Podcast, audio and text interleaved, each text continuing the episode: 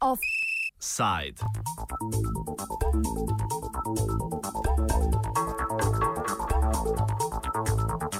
ساق الخير إلى من جرب وخال الخير إلى من ترى.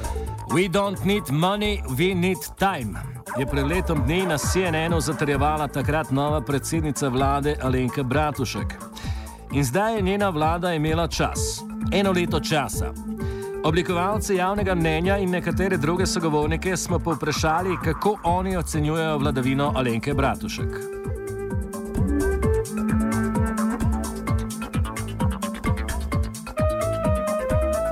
Ekonomist Jože Mencinger je zmerno zadovoljen, skrbijo pa ga moralni imperativi, ko oblasti pripuščenih.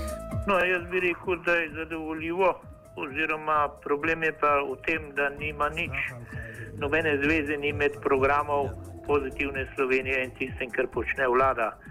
E, tako da bi rekel, tehnično, po moje, zelo dobro dela, e, posebno če vzamete v poštev, kakšne e, druge stranke ima v vladi s katerimi so sami problemi, tako da se mi zdi, da bi lahko rekli, da eh, Bratuškova zna vladati. Eh, Čuvar je ravno tako spreten, eh, to kaže predvsem, kako so se znižale donosi na slovenske obveznice, odkar je on, se pravi, od sedem približen na manj kot štiri odstotke. On se, po mojem, zadolžuje tako, kot se je treba zadolžiti. To pa pomeni, da ne, v tem ne razpravlja cela Slovenija eno leto predtem. Eh, glede tega nimam nobenih prigovorov, eh, ima nekaj ponesrečenih potez. En je ta nepremičninski davek, kjer bi moral že od začetka iti na eno samo stopno, ker bi lahko pričakovali, da bo zapletov zelo veliko. Eh, samemu nepremičninskemu davku ne nasprotujem, ampak morali bi imeti bistveno bolj enostavno, kot pa so naredili. In mislite, da je to, ta znižanje cene obveznic posledica ministra Čufarja osebno ali nekih ukrepov? No, jaz menim, da ne, nekaj so okoliščine, to se pravi sanacija bančnega sistema, e, nekaj pa mislim, da se da tudi njemu pripisati, ker če drugega ne dela prav, da tega ne razglaša, e, nadaje na veliki zvon, kaj bo naredil. In menim, da tudi dela dobro vtis, kjerkoli po svetu gre. E, tako da glede tega sem mnenja, da ima tudi on nekaj zaslug pri tej stvari. Mu jaz upam, seveda, da jim ne bo uspelo prodati vsega premoženja, e, ker se zdaj izgleda skoraj kot neka slovenska moralna dolžnost, da to prodamo.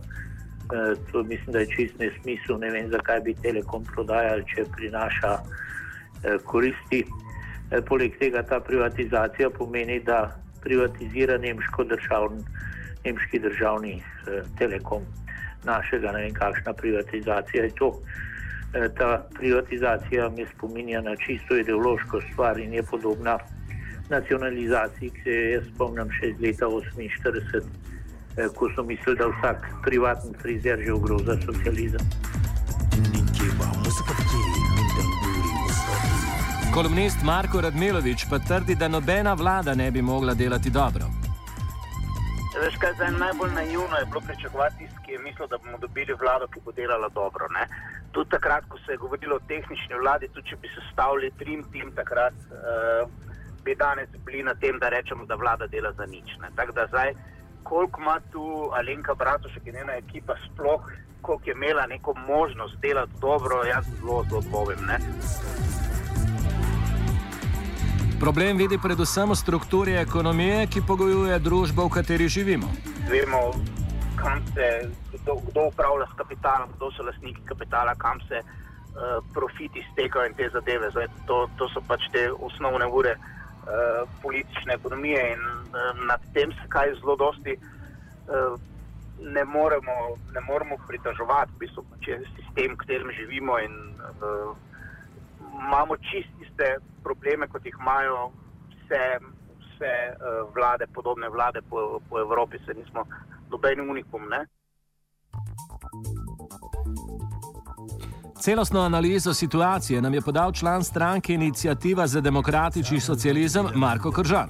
Jaz bi dal v tej vladi negativno oceno. Uh, sicer ne vlada v nekih uh, enostavnih časih, to priznam. Ne. Mi danes, se mi zdi, še ne vemo, da smo v resnici v največji krizi po drugi svetovni vojni. Ker če bi gledali statistike, bi opazili, da smo v tem uh, zadnjem četrtletju presegali tisto brezposobnost, ki je bila leta 1993, ne, ko je bil vrhunc uh, krize v, v, v tranziciji. Ne. Samo uh, mi smo zdaj v stanju, ne, ko v nasprotju z letom 1993 uh, imamo izjemno slabe socialne in razvojne perspektive. Ne. Večina teh brezposelnih, večina teh delovnih ljudi, ki uh, danes izgublja počasi socialne pravice in standard, ne, uh, imajo danes bistveno slabše perspektive, kot so jih imeli uh, njihovi predhodniki leta 1993. In po drugi strani je jasno tudi to, da tudi potem, ko bo naš BDP spet začel naraščati, ne bomo več dohitevali najrazvitejših držav, kar se je dogajalo recimo v zadnjih 15 letih pred, pred krizo. Uh, zdaj, uh, kaj je ta vlada naredila, da je te probleme, ne, ki so resni, rešila? Jaz mislim, da zelo malo. Uh, če pogledamo problem javnih financ, ne, vidimo, da ga ni rešila. Ne. Uh, ima recimo še vedno primarni proračunski primankljaj, kar pomeni, da v svoj proračun za socialne blagajne uh, zbere manj denarja, kot ga potrebuje za takoče delovanje. Ne. Vemo, da je dvigna DDV, vemo, da poskuša uh, uvajati en katastrofalen davek na nepremičnine. Ne? Uh, ampak to je oboje po eni strani premalo, po drugi strani pa nepravično. Ne? Nima pa uh, očitno interesa, da bi spremenila davčni sistem na ta način, da bi vsak prispeval glede na celoten dohodek, ki ga ima. Ne? Ampak to je seveda njen razredni, objektivni problem, ne? ker tega noče. Uh, zdaj, če pogledamo problem bank, ne? tudi problema bank ni rešila. Ne. Slaba banka je uh, štartala, milo rečeno, neobetavno. Ne. Stresni testi so bili popolnoma nekredibilni. Ne. In zdaj je šlo 3,5 milijarde denarja za razne dokapitalizacije in milijarde za garancije, ne. pa še bo šlo. Vemo, v neke manjše banke smo lahko zdaj brali zadnje dni. Ne. Ampak vendar imamo še vedno kreditni krč, obseg kreditov še zmeraj pada, kar pomeni gospodarstvo brez dopajanja. Ne. In to, to seveda ni dobro brez za prihodnost. Ne. In potem imamo še tretji problem, ne. problem dolga. In problem dolga se v resnici za nas šele začenja. Ne. In če gremo res nazaj, spet v tisto leto 93, takrat je bil dolg pod 20% BDP. Ne. Zdaj je letos 75% BDP, čez dve leti boste videli v 80%, ne. kar pomeni, da trojka še vedno visi nad nami. Ne. In ker se lahko zgodi, da se bo obrestne mere na državne obveznice v lahko recimo naslednjih 3-4 mesecih dvignile na tako raven, ne, ko bodo znani stresni testi za, za banke v evropskem sistemu, ne, da, v evropskem sistemu da, da, da enostavno ne bo več uh, mogoče refinancirati tega kredita. Skratka, moja ocena je, da vlada ni še ničesar od tega uh, v resnici rešila. Predstavi tudi svoje videnje alternative brez perspektivnemu zadolževanju in zategovanju posu. Zdaj, alternativa. Ne? V treh stavkih bi, bi rekel tako. Ne? Podjetja morajo priti v upravljanje zaposlenih. Zakaj? Zato, ker mi vemo, da je danes problem dolg. Kdo se bo razdolževal, kater delavec bo, bo se bo žrtvoval za, za razdolževanje svojega podjetja, če od tega ne bo več imel, ne? če ne bo mogel sam preko svojega upravljanja si zagotoviti stabilno zaposlitev za sebe in za sodelavce. Druga stvar, ki jo pravim, je banke, ampak ne samo banke, tudi proračuni in tudi vsi skladi, kot so pokojninski, zdravstveno blagajne in tako naprej, morajo priti pod nadzor prebivalstva, zato ker njihova zdajšnja vodstva ne, delajo z njimi kot svojo lastnino. Zaključujemo z glavnim urednikom demokracije, metodom Brlcem, ki se strinja s tezo, da se vlada Alenke Bratušek kljub nasprotnemu prevladujočemu mnenju mnenjskih voditeljev še kako ukvarja s preteklo zgodovino. Vsi mediji smo pod nekim udarom, ne? ja, ja. Uh, takšnim in drugačnim, ne ja. glede na usmeritve. Ne? Zdaj ja. mi smo nek alter, neodvisni medij, ne? javna televizija ima neko svojo špuro, časopisne hiše ala delo svojo.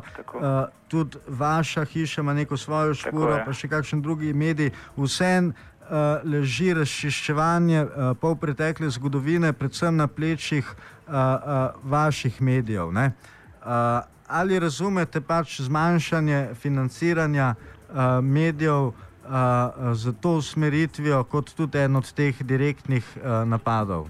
Uh, prav gotovo uh, vlada Bratuškove in njen uh, ministr za kulturo Uroš Grilc je s tem dejanjem pokazal uh, svoj odnos do preteklosti, sedanjosti in tudi prihodnosti. Torej, vsem tistim medijem, ki uh, obravnavamo tudi pol preteklo zgodovino, je ukinil sub, uh, subvencijo, uh, tako da smo popolnoma odvisni od uh, trga. Uh, uh, s tem pa je pač uh, poskušal doseči to, da bi uh, take medije, kot smo mi, uh, čim bolj utišal in jih prisilil k poslušnosti, kar pa se ne bo zgodilo. Uh, spomnimo se, da je že uh, predsednik Koksa, tiste koordinacije kulturnih organizacij ali nekaj podobnega, Koršič, že pred meseci takrat dejal, mislim, da je bilo to še v času Janša vlade, da je treba reporter in demokracijo nekako ukiniti in podobno. Ne. Torej, v bistvu je bil uh, njegov uh, torej minister Grilc, pa samo to uh, izvršuje v praksi. Uh, tak, tako da se mi zdi to uh, skrajno uh, sporno kot je tudi sporno na nek način tudi to, da recimo, je tudi radio študent uh, na nek način v veliki meri prepuščen sam sebi in trgu. Ne. Pa čeprav je, vemo, v koncu 80-ih let odigral izredno pomembno uh, vlogo, uh, prenašal v živo dogajanje z rožkim in podobno, torej uh, spada tudi radio študent med uh, medije, ki jim gre zasluga za slovensko demokratizacijo in osamosvojitev. Eh, podobno pa je bilo tudi z revijo Demokracija, tudi na prehodu iz o, o, konec 80-ih let v 90-ta, kjer je odigral uh, pomembno vlogo. Uh, sedanja revija Demokracija je pa na nek način naslednik tega.